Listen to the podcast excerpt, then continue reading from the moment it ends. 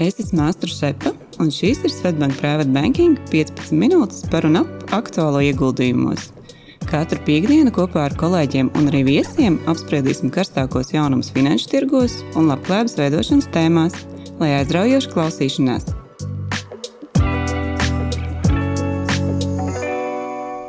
Sveiciens private banking klientiem un mūsu klausītājiem podkāstu jau 85. epizodē. Šodienas epizodē esmu kopā ar vecāko privātu banķieri Ventu Riņķi. Čau, Vent! Čau, Astra! Un tā kā tuvojās jau gada noslēgums, eh, tad līdzīgi kā dažādos eh, preses izdevumos un mēdījos, šodien vēlamies atskatīties uz to, kāds ir bijis šis gads eh, finanšu tirgos, un nedaudz arī parunāt par to, ko varētu atnest jaunais gads. Un, ja man jāsasumā, es teiktu, ka par spīti dažādām prognozēm gada sākumā un arī dažādiem pārsteigumiem gada laikā, tad es teiktu, ka gads ir bijis ļoti, ļoti labs un ienesīgs dažādu veidu investoriem. Cerēsim, ka šis turpināsies arī 24. gadā. Un, ja runājam par konkrētām tendencēm, tad, tad noteikti viena no top lietām šogad bija cīņa ar rekordu augstu inflāciju visā pasaulē gan asi reaģējot gan Eiropas centrālajai bankai, gan ASV federālajai rezerves sistēmai, ceļot procentu likmes visu gadu garumā. Un šie procentu likuma celšanas ievies arī zināmas izmaiņas um, investoru uzvedībā.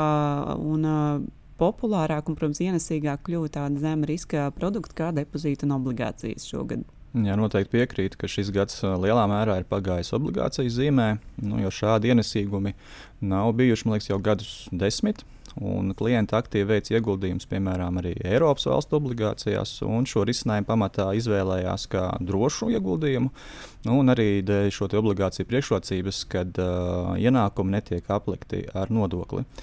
Un ievērojami ieguldījumi tika veikti arī korporatīvajās obligācijās, jeb uzņēmumu Gan tātad šādas individuālas obligācijas, gan arī izmantojot fondu starpniecību, lai diversificētu šo ieguldījumu un neuzņemtos kaut vienu atsevišķu uzņēmumu risku.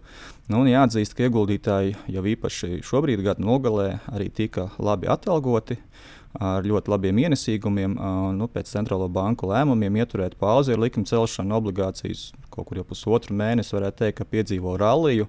Piemēram, korporatīva obligācija fonda vērtība eiro vidēji augus jau par 5%. Nu, tas šādai drošai aktīvu klasē tiešām ir daudz tik īsā laika periodā. Tas ir sanāk pusotru mēnešu laikā? Jā, jā tikai mm. pusotrs mēnesis. Jā, jā. Mm. Nu, un ar līdz ar to mūsu teiksim, populārākie Svetbanka obligāciju fondi, Corporate Bond un Corporate Bond High Yield no gada sākuma jau ir auguši par 7 un attiecīgi 10%, un šodien visticamāk tiks pievienots vēl nepilnīgi nepilns procents. Tomēr, nu, skatoties uz Vācijas obligāciju ienesīgumu likmēm, tad nenoliedzami tiek gaidīts, ka likmes tiks samazinātas. Nu, ja gada termiņā obligācijas ienesīgums vēl nedaudz ir virs 3%, tad jau tādā garākā termiņā jau ir nedaudz virs 2%. Nu, un vakar, nu, jā, mēs tiekamies šodien, ceturtdienā, tad vakar mm. bija arī kārtējā Fed sēde, kur likme atkal tika saglabāta nemainīga. Un uh, Fed vadītājs Džeroms Pāvils bija ierasti piesardzīgs, protams, uh, tomēr iezīmēja, ka nākošais gads likmes varētu tikt samazināts trīs reizes, nu, tad summārs varētu būt kaut kur 0,75%. Nu jā, tas man liekas arī viss, ko, ko investori gaida un ekspektē, ka droši vien likmes kritīs jau nākamgad. Bet uh, atgriežoties pie obligācijām, Vēns noteikti ir liels obligāciju fans un šogad daudz arī podkāstos runājis par šo tēmu. Bet, kā jau minēju, ievadā gads ir bijis ļoti, ļoti labs dažāda veida investoriem un arī akciju tirgus teikt, rādījuši ļoti labus sniegumus. Atgādināšu, ka gada sākumā, pagā, šī gada sākumā, jā, podkāstos runājām par prognozēm, un tajā brīdī Starptautiskais valūtas fonds prognozēja, ka nu, gan nu, lielākie, pas, lielākās pasaules ekonomikas, kā ASV un Eiropa, ka tām neveiksies pārāk labi, visticamāk būs sabremzēšanās vai pat recesija. Tad nu, es teiktu, ka viens no tādu gada tendencēm un pārsteigumiem arī bijis, es teiktu, super labais ASV ekonomikas sniegums. Arī Eiropa īstenībā jā, turējās labi. Atsevišķas valsts piedzīvoja recesiju, bet nu, kopumā tās pro negatīvās prognozes nepiepildījās tādā mērā, kā bija domāts. Un noteikti viens no pārsteigumiem un tādām gada top tendencēm, ko negaidīja droši vien gada sākumā, vai vismaz ne tādā apmērā, bija ASV finanšu tirgus izrāviens, kur uh, liela ietekme atstāja tieši mākslīgā intelekta, jeb AI uzvaras gājiens. Un, um, šis uh, top uh, septiņi maģiskais septītnieks lielie tehnoloģijas uzņēmumi un Tesla tā skaitā nu, uzrādīja ļoti lielu vērtības pieaugumu. Ja runāt par konkrētiem cipariem, tad nu, vislielāko ieguvumu no šī mākslīgā intelekta uzrāviena piedzīvoja tieši Nvidia. Tur augstākajā punktā pieaugot šī gada laikā pat uh, divi ar pus reizes. Un uh, vienā brīdī, jā, praktiski viss tas ASV bieži pieaugums bija pateicoties tieši šim maģiskajam septītniekam, kamēr pārējo uzņēmumu tas vidējais sniegums bija pa nulli. Uh, un arī, bet nu, kopumā, jā, šis uh, uz doto brīdi jau tas ir izlīdzinājis, un arī uz citām nozarēm es teiktu, šis pieaugums ir uh, kā, nu, nevis pārgājis, bet arī citi, citi uzņēmumi aug. Un, ja skatāmies tādu konkrētu pieaugumu griezumā, tad um, arī Svetbanka piedāvātajos fondos uh, Robert Technology, tas kopš gada sākuma ir uzrādījis fantastisku sniegumu, pieaugot uz doto brīdi jau par 50%. Tā kā tie investori, kas noticēja gada sākumā tehnoloģiju jomai un ieguldīja, ieguldīja 10 tūkstoši, šobrīd jau 5000 būtu peļņā, ja 100, tad 50. Es teiktu, ļoti iespaidīgi sniegumi. Un arī teiksim, ir tāds robots, kas seko ASV, ASV indeksiem, tad uh, tas arī kopš gada sākuma ir pieaudzis par 18%. Arī ļoti, ļoti pieklājīgs sniegums. Es teikšu, ka akciju tirgi arī ir uh, nu, ASV, bet arī globālie tirgi lielākie ir rādījuši ļoti labu sniegumu šogad. Jautājums, ja runājam par šo mākslīgā intelekta tendenci, vai tas saglabāsies arī 24. gadā, redzēsim, vai kā tev liekas? Nu, es domāju, ka nav pamata domāt, ka mākslīgais intelekts varētu zaudēt savu aktualitāti, bet visticamāk, konkurence starp uzņēmumiem ar vienu vien pieaugs. Redzēsim kaut kādus jaunus veidus tā pielietojumam. Vienlaicīgi noteikti tiks strādāts jau pie regulējuma šai nozarei. Un, nu, ļoti iespējams, ka mēs skatāmies teiksim, pusvadītāju ražotāju vidū, tad izaugsme varētu piedzīvot uh, lielāku kāds cits uzņēmums, nevis Nvidia. Nu, noteikti dzirdēsim jau kādus jaunus vārdus šajā jomā. Nu, runājot vēl par to, es pilnīgi piekrītu. Es domāju, ka nav pamats domāt, ka tas apstāsies. Un arī pasaules lielākais ieguldījuma pārvaldnieks BlackRock gada beigās, nu, kā līdzīgi kā citas investīciju bankas un ieguldījuma pārvaldnieki, publicē tās savas nākamā gada prognozes. Un tad no tādiem viņiem ir divi tādi nu, pozitīvie galā, divi, divas tendences vai trendi, kas nākamgad varētu kā, turpināties vai būt ar pozitīvu izaugsmu. Tad viens no tiem uzskata tieši, ka šis mākslīgā intelekta izrāviens, ka tas varētu pārvēlties, vai vilnis varētu pārvēlties arī uz plašākiem reģioniem, arī citām jomām. Īstenībā par šo man liekas, jau šī gada griezumā vismaz pusgadu jau arī runā to, ka nu, ka ne, ieguvēji būs ne tikai šie tehnoloģiju uzņēmumi vai tie, kas izmanto to mākslīgo intelektu, bet līdzīgi kā zelta druģu laikos, arī tie, kas ražo lāpstus, kā pusvadītāji ražotāji, arī teiksim, nu, softa ražotāji, tā kā visa šī apkārt infrastruktūra, ja lāpstu biznesa arī noteikti no tā visa iegūst. Un, ja runājam par zelta drudzi un pārlecam jau uz citu jomu, kur arī bija tāds zelta druģa efekts šogad, tad, tad visa pasaule, nu, es teiktu, Eiropas un ASV eh, sekoja eh, līdzi farmācijas tādai, eh, tādam hītam šogad, kur, kur nu, galvenie ieguvēji bija viens Eiropas uzņēmums Nova Nordisk un ASV tas bija Elija Lilija, kas abi bija vēsturiski bijuši diabēta preparātu ražotājus, bet šogad tas hīts bija tāds, ka, ka viņu preparātus sāk izmantot. Um, Nu, šo, viņi sāk jau ātrāk izmantot, bet nu, šogad tas hīts parādījās vai izplatījās ļoti plaši par to, ka tas tiek izmantots uh, svara zaudēšanas nolūkiem. Attiecīgi, abi uzņēmumi piedzīvojas ļoti straujas vērtības pieaugums, un kas ir interesantākais, jā, kad uh, nu, ir tāds prognozes vai analītiķis, kas uzskata, ka šis ir tikai revolūcijas sākums, ka pateicoties tiem pozitīvajiem efektiem šo zāļus cita veida saslimšanām, kā, slimi, kā vēžiem, diabetiem. Asinsvadu slimība, slimība būtiska riska samazināšanai, ka nu, varētu būt arī kopumā šīm zālēm būtī, būtiski pozitīvi ietekmes pasaules veselības sistēmu. Jā, un arī, ja mēs skatāmies tādā akciju griezumā, tad pateicoties šim rallijam, Novor Nordisk Eiropā ir kļuvusi par vērtīgāku uzņēmumu. Nu, no troņa gāžot luksus preču ražotāju LVMG, kas šajā pozīcijā noturējās kaut kur liekas, divus pusgadus. Un vēl tikai nesen, šogad aprīlī, LVMG kļuva par pirmo Eiropas uzņēmumu, kur tirgus vērtība pārsniedza 500 miljardu dolāru slieksni. Nu, šobrīd gan jāatzīst, ka tās akcijas ir zemākos punktās, jo liek, tās lielās cerības, kas lika liktas uz Ķīnu un ASV, neataisnojās. Nu, redzēsim, vai Nova Nordisk izdosies kļūt par otru uzņēmumu, kas pārsniedz šo 500 miljardu slieksni. Nu, vai tomēr šīs expectācijas varbūt drusku pārvērtētas? Tagad sekosim līdzi gan, kas notiks šajā farmācijas segmentā, gan arī ar interesi, jā, jāsako, kas notiek šajā luksus preču, kur tiešām bija tas rallijas pirms tam pāris gadus. Ja Ķīnā viss būs labi un, un, un arī SV turpinās augt, tad varētu atkal būt teiksim, pozitīva izaugsme. Bet, ja skatāmies vēl uz citām nozarēm, Vent, kas tev liekas, kas ir tās, kas varbūt varētu izšaut nākamo gadu? Nu, es domāju, tāda nozara griezumā noteikti jāskatās uz uh, tiem, kas būs ieguvēji no šī likuma samazināšanas. Nu, tas noteikti ir nekustamais īpašums, kas faktiski jau atgūst diezgan strauji. Komunālie pakalpojumi, jeb utilities, uh, arī minētais tehnoloģijas sektors. Nu, un tādas izaugsmas uzņēmuma akcijas kopumā, tad nu, tādas nozares, kur uzņēmumi šobrīd vēl varbūt nepelna, bet peļņas tiek sagaidītas nākotnē, dažādi inovāciju uzņēmumi, noteikti arī zaļā enerģija, kur tikai tagad ir sākusi atgūties. Uh, nu, ko ietekmēs, protams, arī energoresursu cenas un kaut kāds tāds turpmākais globālais kurs šajā virzienā. Un, nu, varbūt arī krītot likmēm, ātrāk kā gaidīts, arī gara termiņa obligācijas var nodrošināt vēl labu ienesīgumu. Jā, es pilnīgi piekrītu. Man liekas, ka šīs visas, nu, kad paskaidroju tās, tās nozars vai jomas, kuras varētu iegūt no procentu likuma kāpuma, tas arī piekrīt saka, tam savam, tavam redzējumam. Jautājums arī vēl, par ko mēs esam runājuši šī gada griezumā, arī par tādu nu, geogrāfisko prognozi vai nu, par reģionāliem sadalījumiem, tad, tad gada sākumā, ja atminaties, runājām arī par tām jā, prognozēm, ko jūs minējāt, ka ASV un Eiropa visticamāk neizšaus tik labi, izrādījās pretējais. Un, un arī runājām par to, ka, ka šis gads varētu būt tieši vispozitīvākais Ķīnas ekonomikai un akciju tirgiem. Ja atceraties, sākās pagājušā gada beigās sākās Ķīnas tirgus pēc Covid atvēršanās, tad nu, tā bija liela prognoze ka gan Ķīna, Ķīna augs un palīdzēs arī pārējai Azijai un visai pasaules ekonomikai. Tad nu, izrādījās, jā, ka tas Ķīnas atvēršanās ceļš izrād, bija cēlmaināks nekā domāts. Un, nu, kopumā no tādām lielajiem finanšu tirgiem un ekonomikām Ķīna ir uzrādījusi vissliktāko sniegumu. Gada otrajā pusē gan, jā, gan Startautiskais valūtas fonds ir uzlabojis Ķīnas izaugsmas prognozes šim gadam un arī 24. gadam, pateicoties labākam trešajam ceturksnim nekā cerēts, un arī valsts atbalstam. Tā kā nu, redzēsim, varbūt nākamais gads izrādīsies vēl labāks Ķīnai.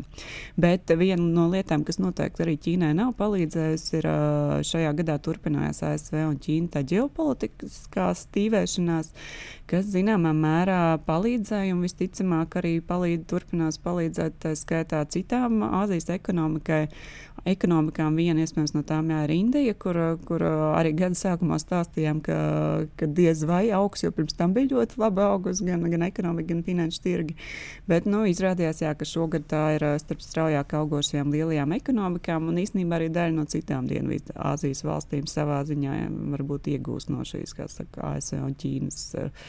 No ASV un citu biznesa apjomu pārnešanas citām Āzijas valstīm.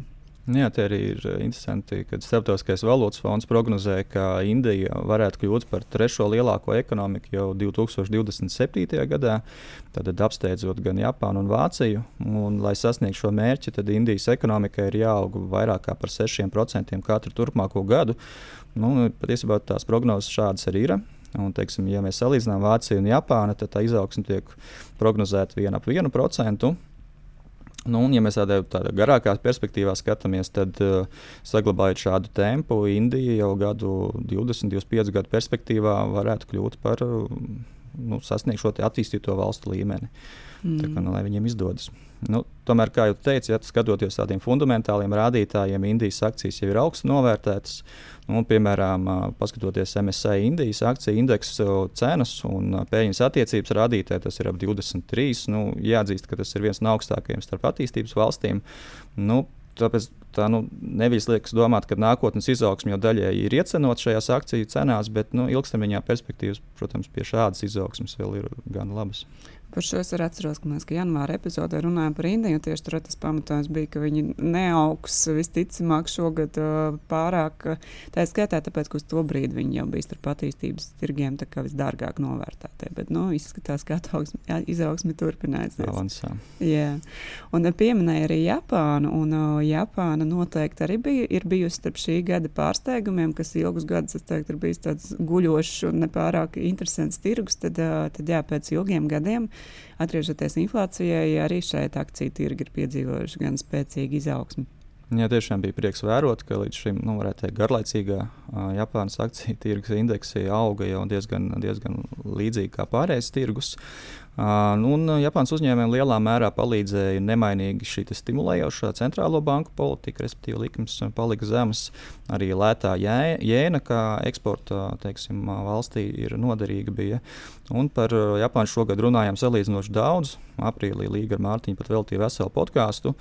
Un, un cerams, ka inflācija beidzot sakustinās arī šo Japānas vietējo patēriņu un kādas investīcijas. Un, kā jau kolēģi minēja, arī Vorens Buffets ir veicis ieguldījumus Japānas uzņēmumos. Jā, tas, man liekas, šogad Japānā bija viens no karstākajiem finanšu Nu, tirgus notikumiem, ka Buffets ieradās tur um, ciemos.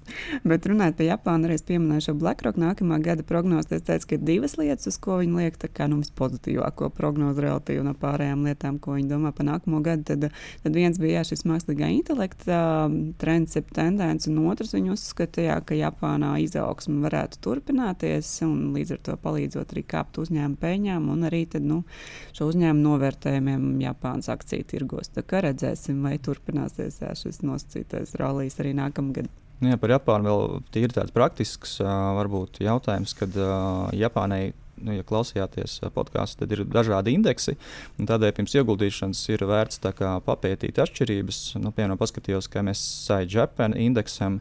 Tam šie fundamentāli rādītāji šobrīd ir tiešām labi. Un, uh, ieguldījumu var veikt uh, gan ar biržā tirgoto fondu starpniecību, gan arī šīs mūsu Svetbanka Robora Japānas fonds sekošam indeksam. Mm. Jā, tas par reģioniem, un ja mēs skatāmies vēl par tiem nākamā gada galvenajiem notikumiem, tad viens pilnīgi noteikti varētu teikt, ka nākamais gads ir vēlēšana gads, jo ir gaidāmas vēlēšanas tādās lielvalstīs kā ASV, Lielbritānija, Indija kas nu, pamatā jau es teiktu, nu, vissvarīgākais noteikti ir ASV vēlēšanas, kur ir gan daudz neskaidrību gan par kandidātiem, gan par iznākumu, un arī par šo iespējamo iznākumu ietekmi uz ģeopolitiku un uh, finanšu tirgiem. Tā kā nu, būs ļoti gaidīsim šos rezultātus. Nu jā, visi vis šie notikumi, vēlēšanas noteikti arī ienesīs kaut kādu nenoteiktību finanšu tirgos, tā kā svārstības būs. Un šobrīd jau var lasīt daudz rakstus par to, kā akciju tirgu uzvedas pirms vēlēšanām ASV. Nu, piemēram, Forbes apkopotā informācija liecina, ka gadu līdz vēlēšanām ASV tirgos ienesīgums nedaudz zemāks nekā vidēji. Savukārt pēc vēlēšanām, iestājoties jau skaidrībai, akciju tirgi piedzīvo strauju izaugsmi. Tas nozīmē, ka principā jāiegulda pirms vēlēšanām. ja nu, jā, jā, jā, tā kā mēreni līdzi un pēc tam izrāviens. Tas īpaši bija izteikti pēdējos gados, bet nu, skaidrs, ka šos rezultātus ietekmē ietekmējuši arī daudz citu faktoru, varbūt kaut kādas sakritības.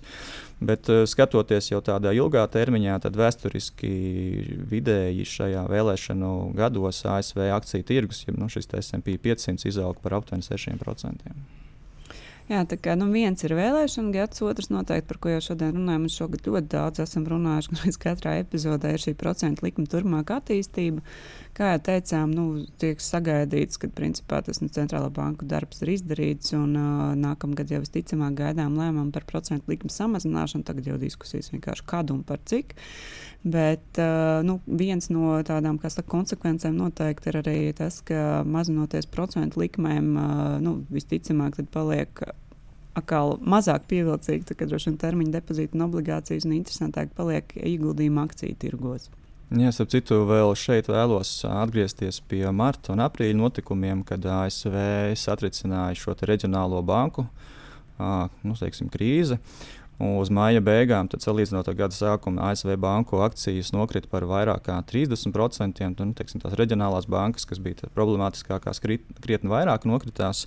Mm, šobrīd no zemākā punkta ir bijusi izaugsme jau par aptuveni 30%, tomēr no augstākiem punktiem 2022. gada sākumā. Nu, ASV akciju vērtība joprojām ir, nu, kur atkal jā, pa 30% zemāka un arī ir zem pirms Covid pandēmijas līmeņa. Uh, Nu, un, ja ASV ekonomika nesastapsies ar kādiem neparedzētiem pretvējiem un likmes, nu, kā mēs redzam, tomēr izskatās, ka normalizēsies, tad arī banku sektoram vēl ir jāstabilizējas. Un vakar patiesībā pēc Fed sēdes akcijas jau pakāpās vēl par 3-4%. Nu jā, tā kā ASV bankas droši vien vēl viens e, iespējams potenciāls uh, joma, kas varbūt varētu augt nākamgad, redzēsim. Bet, uh, ja jau tā būtu jāsasumē šis gads, tad, tad es teiktu, jā, ka par spīti dažādiem satricinājumiem, zināmai nestabilitātei, jauniem ģeopolitiskajiem izaicinājumiem, un droši vien jā, jāsacina, ka bez tādas nestabilitātes dzīve un pasaule nav iespējama, un ar to ir jārēķina jārēķinās, un tas turpināsies. Un neskatoties uz šo visu, tas gads ir bijis ļoti, ļoti labs gan akciju, gan obligāciju investoriem. Šajā gadā jā, pasaules lielākie finanšu tirgi, ASV, Eiropa un Japāna arī atsevišķas nozares uzrādījuši ļoti spēcīgu sniegumu. Cerēsim, ka šis uh, trends, jeb tendence turpināsies arī nākamgad, par kuru noteikti varam teikt nu, tādas divas galvenās lietas, ka tas ir vēlēšana gads un visticamāk cerēsim procentu likmes samazināšanas gads. Jā, vēsture rāda, ka neko tā precīzi noprognozēt eh, nevar. Kā, kā mēs arī šodien diskutējām, kas tika prognozēts gada sākumā, tā skaitā, ko valo, Starptautiskais valūtas fonds teica, un kā beigās tā dzīve iegriezās un iegriezās beigās nu, tik un tā ļoti pozitīvi, teikt, akciju tirgiem. Bet nu, viens eh, par spīti tādai, kā saka, nestabilitātei un arī varbūt nespējai prognozēt precīzi, kā kas attīstīsies, tad, man liekas, ko var uz ko var paļauties vēsturē, skatoties, ka nu, tādām ekonomikām, finanšu tirgiem tomēr ir tendence augt uz augšu. Ja skatāmies to pašu lielāko ASV e, finanšu tirgus, tad, e, tad SP 500 indeks kopš 57. gada ir gadā audzis vidēji par 11,88%. Tāpēc es teiktu, ka nu, tāda mūžam derīga stratēģija ir regulāras iemaksas, uh, diversificējot uh, savus līdzekļus, ieguldot ilgtermiņā, un nu, tad jau cerēsim, jā, nu, ka tās vēsturiskais trends, kad akciju cirgi aug, arī turpināsies. Un, tā kā es no savas puses novēlētu jums, lai 24. gads ir pozitīvu pasaules un finanšu tirgu notikumu pilns, un lai jaunais gads sniedz gandarījumu, sirdsmieru un labklājības pieaugumu. Venti, kāda varbūt tava novēlējuma mūsu klausītājiem? Nu, es pirmkārt vēlos noteikti pateikt lielu paldies visiem klientiem, kuri šogad uzticējās mūsu investīciju ieteikumiem. Nu, ticu, ka ir gandarīti rezultātiem. Un jaunajā gadā saglabājam vien, nu, vēsu prātu, aicinu turpināt izmantot finanšu tirgus sniegtās iespējas, labklājības veidošanai, vairošanai un lai daudz veiksmīgu ieguldījumu. Paldies, Lielas Mēnesis, par skaisto novēlējumu. Paldies mūsu klientiem un uz tikšanos nākamajā epizodē. Paldies, uz redzi! Audio saturā dzirdētā informācija nav uzskatāms par ieguldījumu konsultāciju vai ieteikumu slēgt finanšu tirgus darījumus vai ieguldīt finanšu instrumentos. Paldies, ka klausījāties! Lai izdevusies diena un uz tikšanos nākamajā sarunā!